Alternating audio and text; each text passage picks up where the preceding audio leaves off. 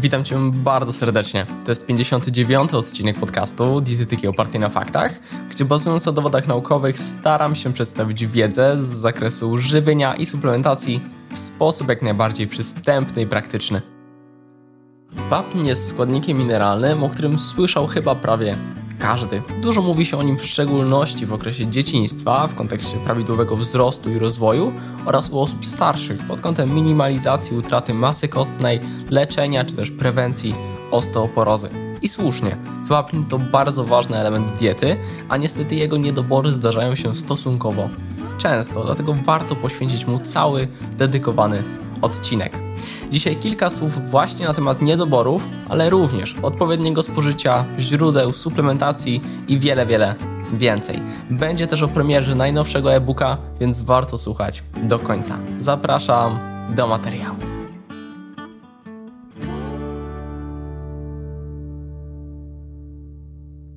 Słowem wstępu, tak aby nie przynudzać, a podkreślić kluczowe kwestie, to pragnę zaznaczyć, że wapń nie tylko stanowi integralną część szkieletu i taki podstawowy materiał budulcowy dla kości oraz zębów, ale również bierze udział m.in. w regulacji szeregu procesów metabolicznych, przewodnictwie nerwowym, kurczliwości mięśni, aktywacji niektórych enzymów czy regulacji hormonalnej. Jego rola jest po prostu znacznie szersza niż niektórym mogłoby się to wydawać. Zapotrzebowanie na wapń jest zróżnicowane i zależy przede wszystkim od okresu naszego życia. Bo tak jak wspomniałem we wstępie, w przypadku dzieciństwa chodzi o rozwój, natomiast u osób starszych o minimalizację utraty. W przypadku osób dorosłych po prostu o utrzymanie masy kostnej.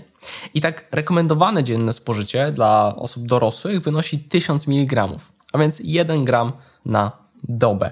Jest ono inne zarówno u dzieci, mm, u osób starszych, właśnie u osób w wieku podeszłym, czy też mm, u kobiet w ciąży, ale nie będę już konkretnie tego mm, dzielił. Generalnie u osób dorosłych jest to 1 gram na dobę.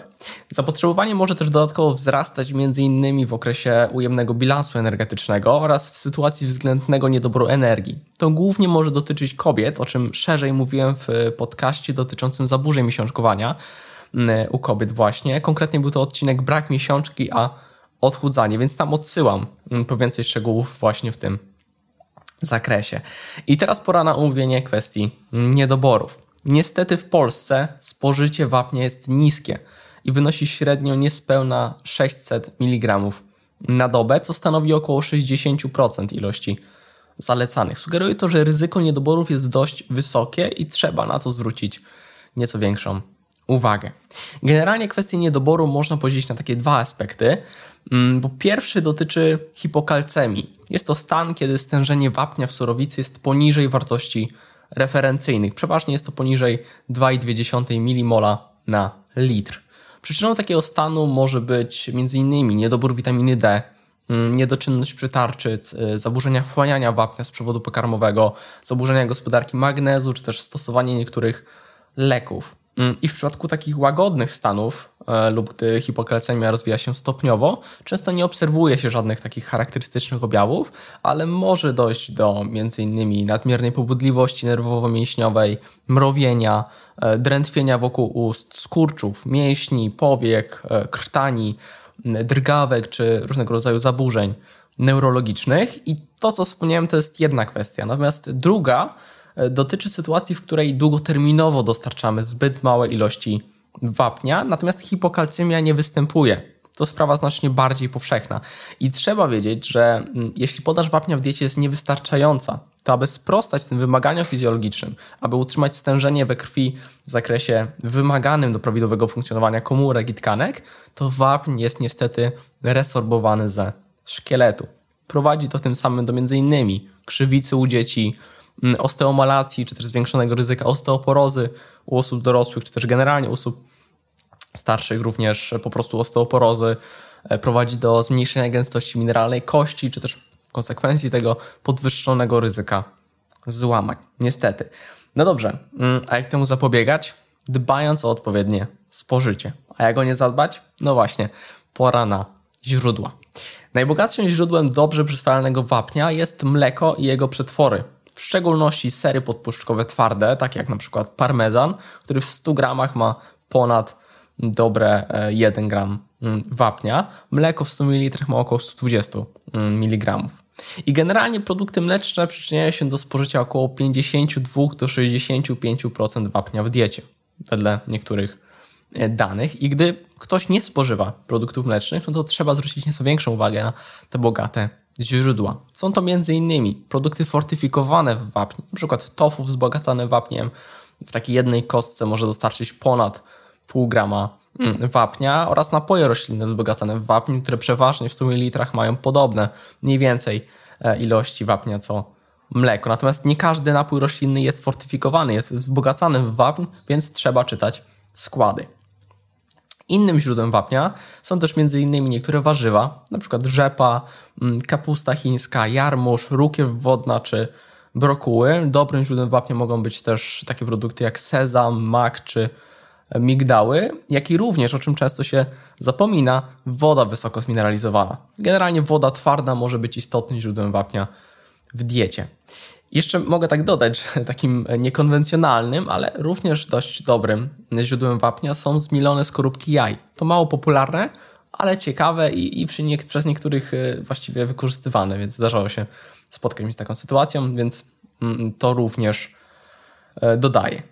I warto jeszcze powiedzieć parę słów o wchłanialności. Mm, otóż źródła wapnia w pożywieniu różnią się od siebie biodostępnością i chociaż średnia wynosi około 25%, e, to między produktami może się wahać od około 10 do nawet 40%.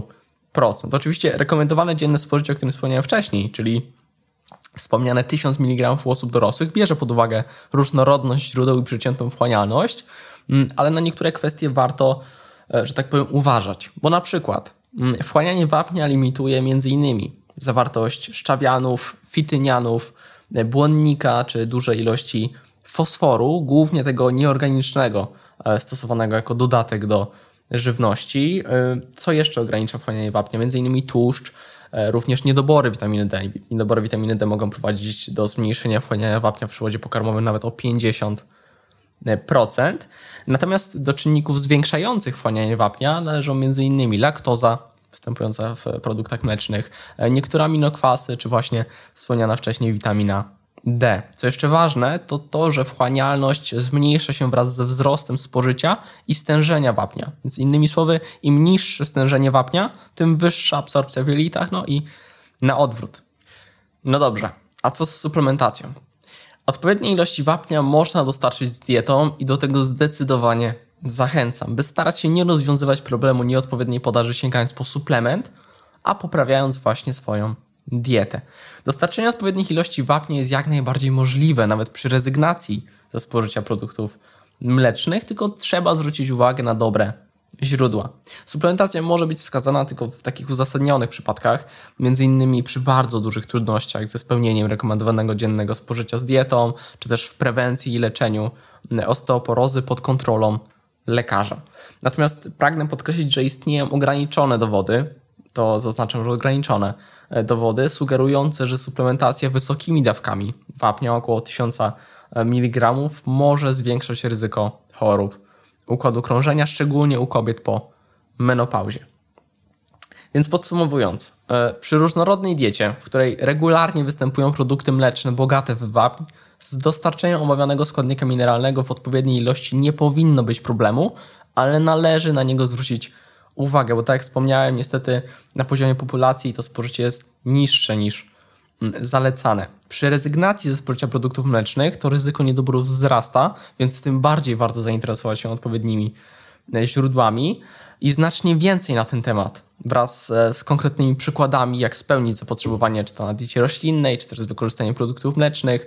Też e, piszę o ważnych interakcjach między składnikami żywności, o nadmiarze i wiele, wiele więcej też w kontekście każdego innego składnika mineralnego w moim najnowszym e-booku Praktyczny przewodnik po składnikach mineralnych. To drugi e-book z tej serii, pierwszy dotyczył witamin, bo zauważyłem, że często pojawia się wiele pytań w tym zakresie, wątpliwości, i tak dalej, więc postanowiłem, że zrobię coś naprawdę przystępnego, konkretnego, praktycznego.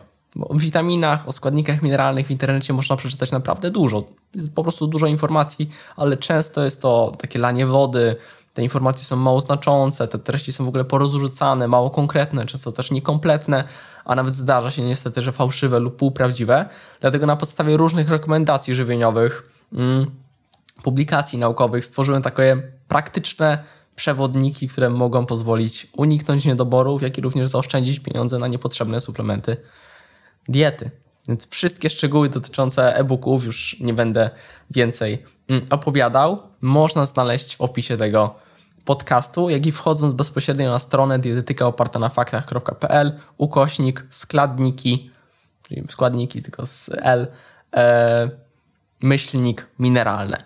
Oczywiście tam jest dostępny zarówno e-book o składnikach mineralnych, jak i również na stronie są dostępne oba e-booki.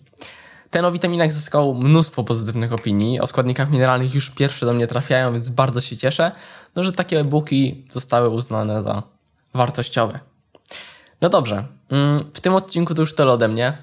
Ja się żegnam. Do zobaczenia, do usłyszenia już niebawem. Hej!